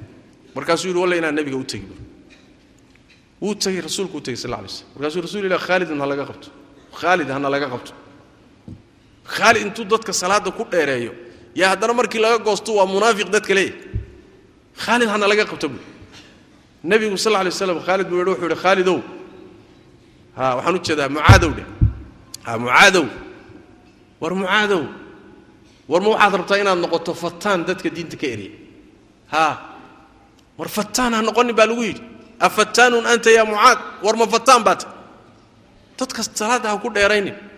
Midkooda tabarta daran midkooda daciifka midkooda da'da ah salaadda ku salee dadka salaadda waxaad ku jusaa waleyl iyo waduxaa iyo suuradaha salaadda cishaha ku tuji baa lay ay ka wada bixi karaan. Ee dadka diinta ha ka eriya marka waxa weeye dadka diinta in lagu adkeeyo laga eryaayey ayadana waxa weye waa masale khalad ah. Nebigu sal alla lay wasalam maa khuyira bayna amrayni ila ikhtaara aysarahuma. Maa lam yakun ima laba shay nebigeenna lama khiyaar gelinin. Ilaa midka fudud buu dooran jiray hadduusan dembi ahayn. Ummaddiisa kolba ka fudud buu u doori jiray nebigu sal lay waslam hadduusan markaa dembi ka imaanin. Fiqiga diinta marka waxaa ka mid a ataysiir oo ma aha diintani sida dad badani u dadka qaarkood u fahamsan yihiin adadkaynta iyo qallayfka. Ma aha yani waxa weeye shanigii dacwada ma aha fiqigii dacwadana ma yani dagaal iyo afxumo iyo aflagaado iyo qallafsanaan iyo muxuu ahay ma aha. Dadkan wixii ay xamili karaan markaa xataa hadday waxyaabaha qaarkood kaa diidaan waxbay kaa ogolaanayaan. Xataa hadday wax kaa diidaan waxbay kaa ogolaanayaan. Qolaa soo islaantay qabiil reer quraysh carabaa soo islaamay. Markaasay nebiga sal alay waslam shardi waxay kula galeen. Waan islaamaynaa bay dheheen laakiin laba salaadood basaan tukanayna salaaduhu soo shan maa saddex ma tukanaynay dheheen laba keliyaan tukanayna ma soo islaamnaa waay soo islaamaa la yidhi laba un sooma tukanaysaan soo islaamo way soo islaameen. Nebigu sal alla alay waslam wuxuu yidhi marba hadday soo islaamaan saddexda kalena way tukan doonaan. Ya nin khamro wataa kuu yimid. Markaasuu wuxuu ku yidhi sheekh aniga khamrada ma daynahaye ma islaamaa ar khamradaada nala dhaaf haddaad tidhaahdo adoo khamro cabaya diinta geli maysida ama khamrada daa. Ya soo islaam dheh. Taysiir wey. Ya isagoo khamriyo cab yuu raba masaajidka inuu soo galo kaalay tuka dheh. Ya sheekh masaajidka ma galahay anugu khamraan cabaa. Walba khamrada ha dambaysa u kaadiya kaale masaajid gal dheh. Masaajidka soo galo. Salaaddii markuu dhadhansado khayrka dhadhansado khamrada wuu dayn doonaa. Marxalad dambay noqon laakiin haddaad wixii oo dhan ka dhigto wax wada adag oo qallafsanoo diinta dadka ka erido taasi waa fitna oo taysiirkii bay ka hor imaanaysa.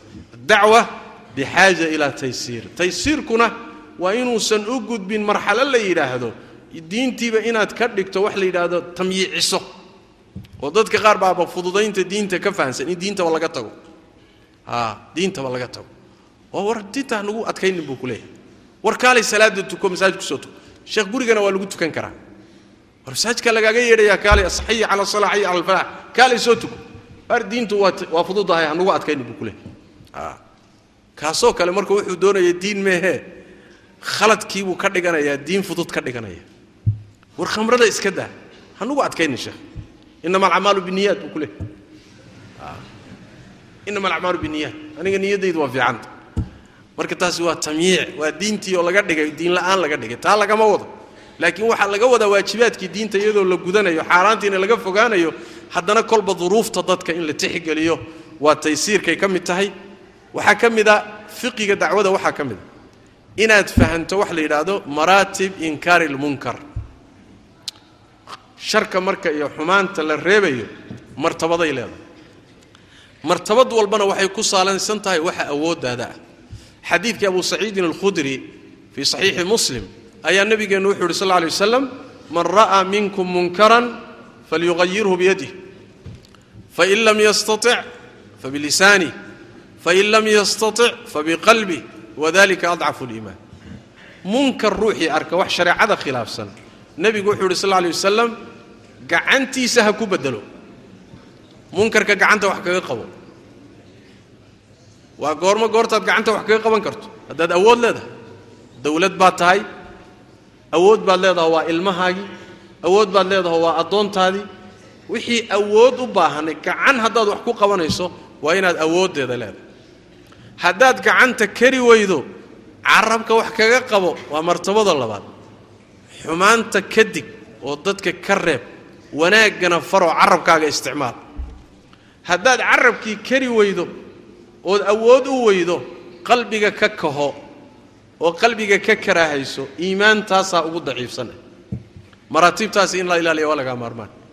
Munkarka mujtamaca ka dhex muuqdaay awood markii la leeyaho dowladii awoodi jirto gacan baa wax lagaga qaban markaadan awood haynin waxaa kugu filan inaad dadka khayrka u sheegto xumaantana ka reebto. Hadal hadal.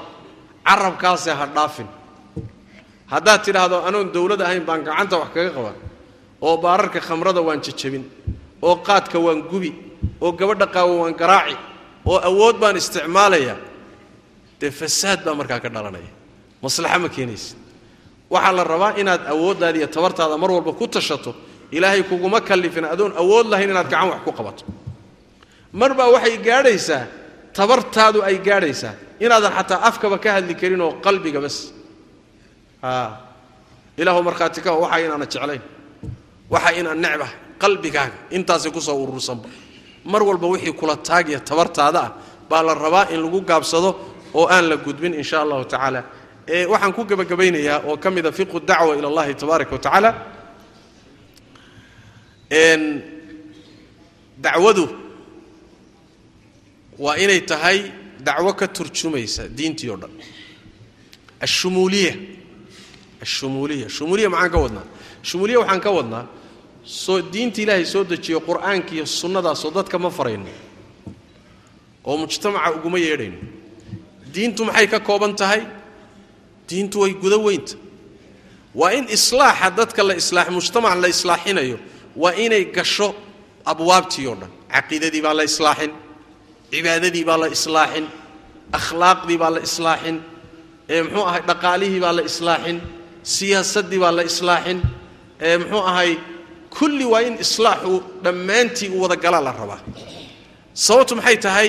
Sababtu waxa weeyaan waxaad ka turjumaysaa diintii nebi maxamed la yimid salawaatu rabbi wasalaamu caleyh diintii nebi maxamed la yimidna diin kaamil ah waa diin dhammaystiran oo shaamil ah. Waxaa khalada marka inaad tidhaahdo anigu qaybtaa unbaan ku gaabsan qaybtaa waxaan ahayna shaqo igama gelin bal laga yaababa qaybtaa wixii aan ahayn dadka wadaay. Inaad tidhaahdo waa khaldan yihi dadka qaarkood baa dacwo ka fahansanuun siyaasad la galo.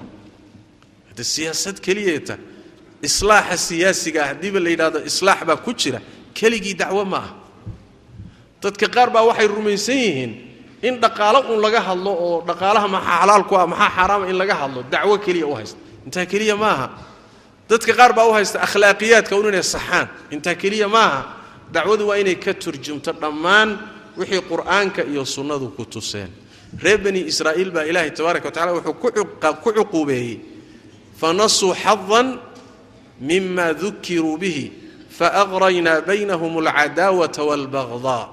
Wixii lagu waaniyey bay qaar ka tageen. Qaarna waa qaateen qaarna waa ka tageen. Markay qaar ka tageen baa ilaahay wuxuu ku cuquubeeyey in dhexdooda cadaawad la dhigo. In cadaawad la dhigo. Marka dacwadu waa inay ka turjumayso shumuuliyadii islaamka waa inay ka turjumayso hadda maxaa kuu suuroobi kara? Maxaa la hormarin? Maxaa la dambaysiin? Waa masale kale. Oo tawxiidka ayaa ka horreeya wax kasta. Tawxiidkaa ka horreeya. Marka la yidhahda alaham falaham shayba shaygu ka muhiimsan yahay mujtamaca ha lagu bilaabo waxaa ka bilaabanaysaa in tawxiidka looga bilaabo.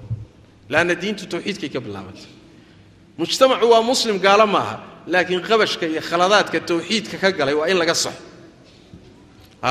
Faltakun awala ma tadcuuhum ilayhi shahaadatu an laa ilaaha ila allah wa anii rasuulu llah fainhum ataacuuka lidalika faahbirhum biana allaha aw faaclimhum biana allaha qad iftarada calayhim hamsa salawaat hadday kaa yeelaan sakadii wahaakada marka tartiibka iyo awlowiyaadka iyo alaham falaham alaham falmuhim in lagu kala hormariyo waa meesheed laakiin asal ahaan dacwadu waa inay shamliso oy wada gasho maqaasidii shareecada wixii shareecadu rabtay inay dadka helaan waa u baahaya in cibaadada loo saxo.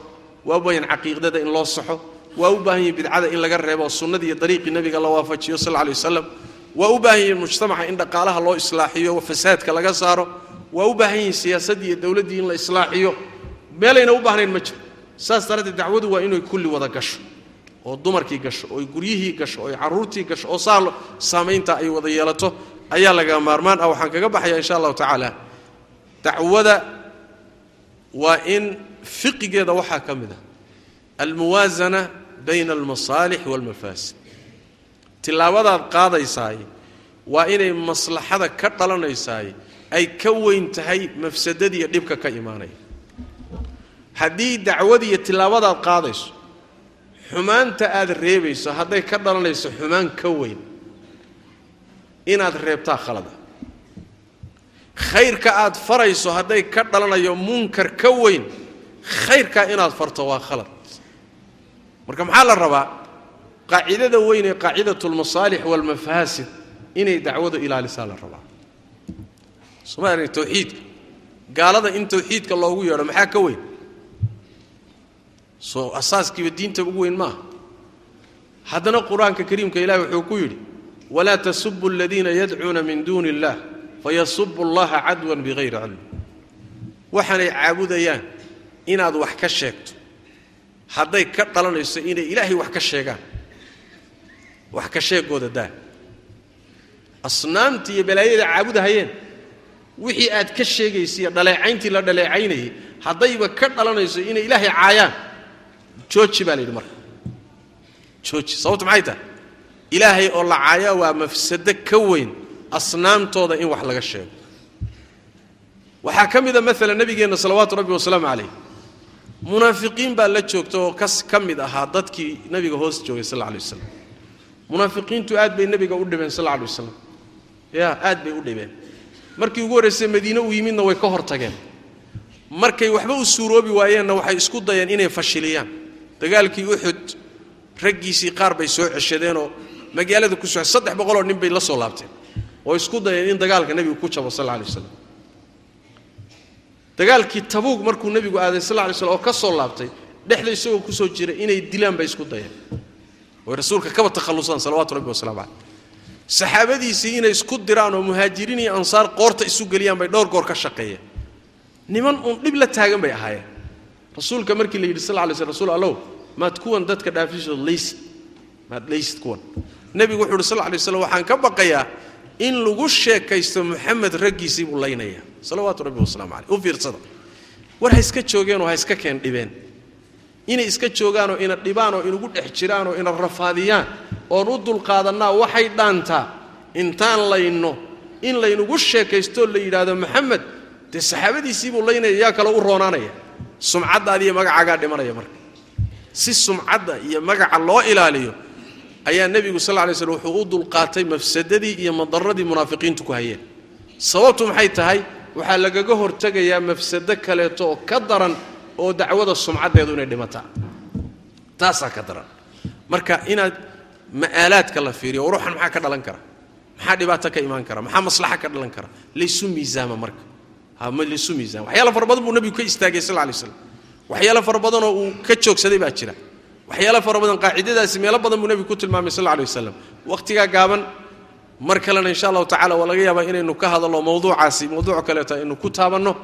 Laakiin asalku waxa weeyaan in la fiiriyo qaacidada iyada. Alimaam shaykhulislaam ibnu taymiya caleyh raxmat ullahi baa waxaa la yidhahdaa waagii ay tataarku caalamulislaami qabsadeen oy baqhdaad qabsadeen oy muslimiinta laayeen oo webiyaasha baqhdaad maraayay ay bil kaamila dhiig socdeen dhiig sida uu tilmaamayo ibnu kaiir caleyh raxmat malaayiin muslimiintay dhegta dhiiga u dareen. Ibnu taymiya oo ardadiisa uu la socdo ayaa waxay soo mareen niman tataar ah oo meel khamre ku cabbeeyey ardadii sheekhaa marka waxay damceen inay yidhahdaan war khamrada iska daayay oy ka reebaan. Sheekhi baa yidhi war daaya ha cabbaana inaga daaya sheekh dadka khamrada aan ka qabanno war daaya ha cabbaan oo maxaa dhacay dee khamrada haddaad ka celisaan oo khamrada daayaan oo soo miyirsadaan soo dhiiggii muslimiinta ku soo miyirsan maayaan oo layn maayaan haa. Ayib khamre la cabo iyo dhiig muslimo lagu miyirsado kee roon? Ya war ninka khamradiisa caba balaayo ka weyn buu ku kici haddii muxuu ahaay aad khamrada ka qabato. Maalan waxaa dhacaysa maalan hadda kaba soo qaad. Dadkan qaadka ku jidbaysan khamrada cabba iska faasiqiintae waxa uun iska daldalahaya ee ku maqan. Haddii waxoogaagii intaan ka joojinno haddaan ka joojinno aanu hubno inay jidka geli doonaan oy dadka layn doonaan oo wax dhici doonaan. Ya khamradoodaan u daynaynaa si kale ha looga daaweeyo oo xilli kale ha lala sugo laakiin maadaama ay ka dhalanaysaba inay dhiig daadiyaan oo duurka galaan oo nabadgelyada khalkhal geliyaan way isdhaantaaye laba mafsado weeye tanaa roon. Dacwadu marka waxay u baahantahay inaad fahanso tilaabadaad qaadayso war maxaa dhib ka imaan kara maxaase dheef ka imaan kara? Inaad isu miisaanto. Oo haddii mafsadadu ay raajix noqoto tilaabadaad qaadaysa waa xaaraan. Hadday maslaxadu raajix noqotona tilaabadaad qaadaysa markaasay saxta. Sidaas daraaddeed qaacidadaana in la ilaaliyo almuwaasana bayna almasaalix walmafaasid dacwada marka la faafinayo ma'aalaadka maxaa ka dhalan kara waxaad samaynayso iyadana in la ilaaliyo waa laga maarmaan. Way fara badan tahay marka fiqu dacwa iyo qodobadiisa wakhtigiibaa insha allahu tacaala gaadhay ama dhaafayba intaasaan insha allahu tacala ku gabagabaynaya. Ilaahay tabaaraka wa tacala waxaan weydiisanaynaa inuu khaatumada inoo hagaajiyo diintana inagu sugo. Ilaahayna tabaaraka wa tacala dadkaa diintiisa u adeegaya ilahay ha inugu daro tabaaraka wa tacaala. Ilaahayna tabaaraka wa tacala jannadiisa ha inugu kulmiyo cadaabkana allah inaga xifdiyo. Jazakum allahu khayr wbaarak fiikum. Wasalaamu calaykum waraxmat ullahi محمد عبد عمر خير الجزاء على هذه الكلمة الطيبة المباركة بإذن الله وأسأل الله سبحانه وتعالى أن ينفع بها الجميع walaalayaal asiladu waa cadadi ru'uusikum cabdiwahaab laftiisu halkaas wuxuu ku hayaa darsin aad iyo markaa sheekha dee waxaan oo dhan kama wada jawaabi karo wixii uun ku soo dhaca gacantayda dhowr su'aalood ayaan sheekha weydiin doonaa jasaa allahu khayr.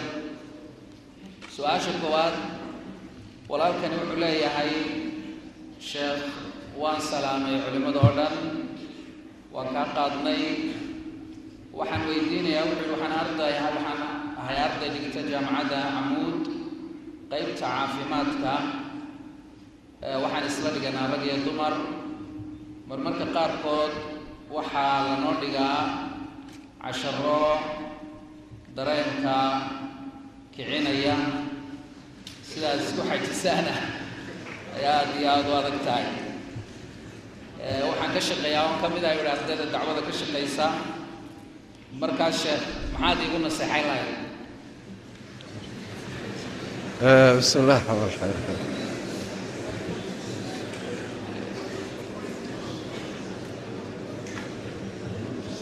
bismi illah raxmaan raxiim naseexadu waxa weeyaan waa hal mid laba maaha guurso. Naseexadu waa intaa nabigeena sal alla alay wasalam sooma dheh.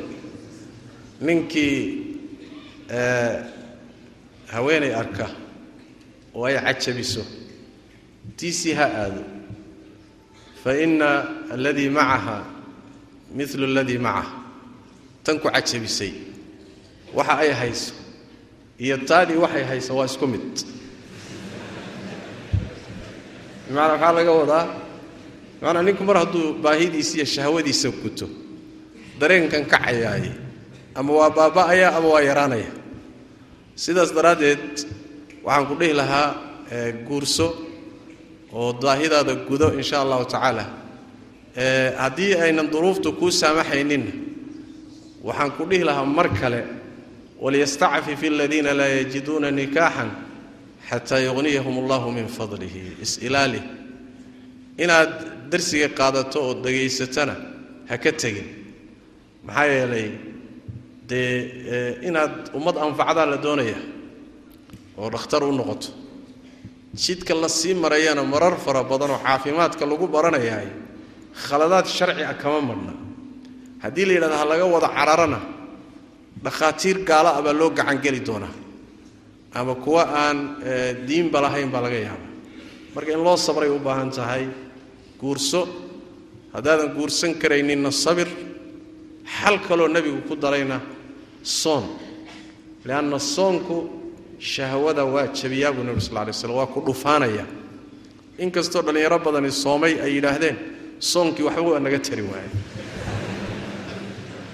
Haddana maca daalika haddaad soonkii dhabtaa soomi lahayd waxbuu kaa tari lahay laakiin waa soon isaga laftiisa dhufaanan wey oo muxuu ahay aan jidhka culayskii iyo oonkii iyo gaajadii iyo midna aan keenayninoo intaa wax la bashuuqahayo marka soonku sidii dhabta haddii loo soomo ila bini aadamka nafaqada jidhkiisa ku jirtaa keenaysa shahwada kacsa nafaqadu mar kastoy ku yaraato shahwadu yaraanaysa. Wallahu aclam.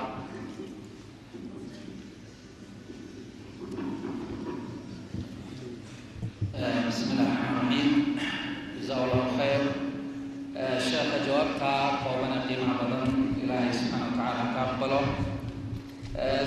u fara badan yihiin laakiin xoogaa kuwa mudxi kaama soo qadanaya sida xoogaa u ilowdaan jalsada fadhigeeda marka ninkan walaalkii uu leeyahay haddaan arko mid dadka isku qarxinaya maxay tahay xukunka islaamka? Miyaan ka qabtaa? Miyaan ku sii daaya? Maxaan sameeyaa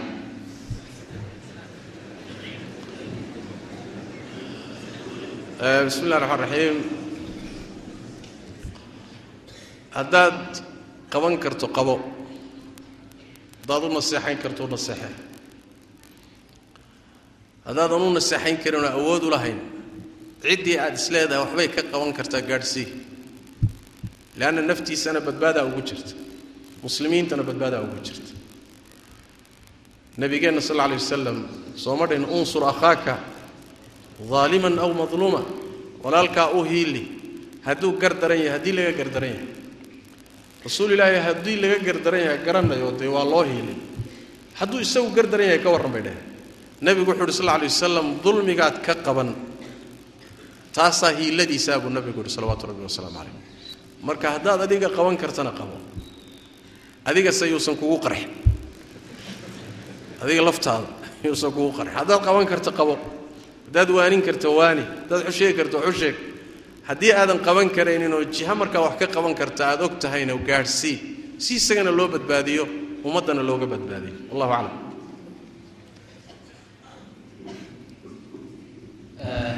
Jazaa allahu khayr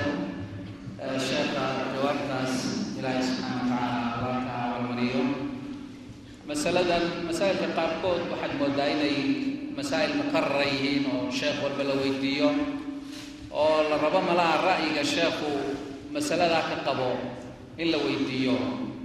Marka masaa'ilkani wuxuu leeyahay kolley wuu garanayaban male laakiin wuxuu rabaa sheekhana inuu jawaabtiisa maqlo gabadha xaydka lihi qur'aanka miyay aqrin kartaa? Imise jeer baa maqasheen?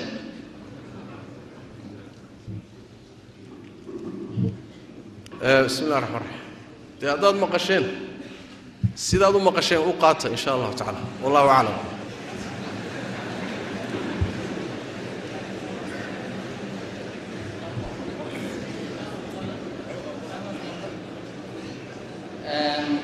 Jazaa allahu khayr. Waa sidaas saad ku maqasheen u qaata. Maxaa yeelay sheekhu de wax cusub oo uu idiin keenayo oo jadiid oo hadda soo degayaa ma jira. Waa intii hore aada maqasheen. Marka dabcan masaladaasina waad ogtihiin inay magaalada aada u isaaradeedu u badan tahay. Su'aalaha wada gaadhi karo laakiin su'aashan ayadana fanigaa baan ku soo gabagabaynaya insha allahu tacaala. Wuxuu leeyahay saa'ilkani sheekh waxaa soomaalida ku badatay dugsiyadii qur'aanka oo laga dhigtay dugsi ciidamada laga qoro. Wiilasha tartanka qur'aanka u sarreeya waxaa loo qoraa wuxuu yidhi waa sida uu isagu qoray. Saa'ilka xaqa uu leeyahay waa inaan sheegno al-shabaab. Anna kuwa ama kuwa isqarxiya. Maxaad kula talin lahayd sheekh dhallinyarada? Bismi llah raxmaan raxiim horta mid sax maaha anuun idinla joogin baan garanayaa inaysa saxayn in dugsiyada qur'aanka la yidhaahdo ciidamaa laga diraa masaladaas masale sax arrintaasina waa arrin khalad ah. Lagana yaabo in loogu marmarsoodo dugsiyada qur'aanka in sabab looga dhigto. Dugsiyada qur'aanku waa dugsiyo qur'aan. Macallimiintuna waa macallimiin qur'aan. Laakiin mid khaldan lagama waayo sida mujtamacaba mid khaldan oon macallin ah mid iskuul dhiga iyo mid jaamacad dhiga iyo mid bannaanka taagan iyo mid ganacsadaa iyo mid siyaasiya oo khaldanba lama waayo haddana lama camimo lama yidhaahdo siyaasiyiintaa waxaa sameeya ganacsatada waxaa sameeya masaajiddaa waxaa sameeya masaajiday ku tukadaan kuwo badan oo khariban oo takfiir ah oo dadka gaalaysiinahay oo in layna laayaba qabo oo layna qarxiyo masaajidkay ku tukanayaan ayib masaajiddii baa la galay baynu dhahayna sax maaha cibaaradaasi cibaaro sax maaha inta badanna waxaa dariica iyo sabab looga dhigtaa in dugsiyada la galo. Marka qur'aanku waa inuu karaamadiisa yeesho macallimiintu karaamadooda yeeshaan aan lagu xadgudbin waayo taa waa qodob. Qodobka labaadii waxa weeye si guud. Ama ha noqdo masjid ama ha noqdo dugsi ama ha noqdo shaaric da'yarta muslimka ah. Waxaan doonayaa inaan idhaahdo afkaarta khaldan iska ilaaliya. Afkaarta khaldan oo khariban oo shaatiga diineed qabta oo magaca jihaad xambaarsan oo ummaddii diinteedii iyo dacwadeedii iyo culimmadeedii iyo xoolaheedii iyo suuqeedii iyo masaajideedii midna aan u aabayeelaynin marnaba waxaasi jihaadna ma noqon karo diinna ma noqon karo. Waxaa la yaab leh oon aad wax loola yaabaa diinta shan iyo toban jirku u arkay siddeetan jirka caalimkana uu arki waayey. Bal idinka warrama labaatan jir shan iyo toban jir bay diintaasi u daahirtay. Siddeetan jirkii caalimka ahaa lixdan sanana diintan marna baranayay marna ka shaqaynhayeyna way u daahiri weyday war bal idinku googaalahaas fura. Ya hal xidhaalo wey cajo badan. Waa mid kale jannadan waxaa iga yaabisay afartan jirku uusan raadsanaynin ee shan iyo toban jirku raadsanahay ya afartan jir isqarxinaya weligiin ma aragteen afartan jirku janno ma rabo miya? Afartan jirkaaba jannada iyo aakharadoonka kaga badan. Maxaa afartan jirku isu qarxin waayo oo shan iyo toban jirku isu qarxinaya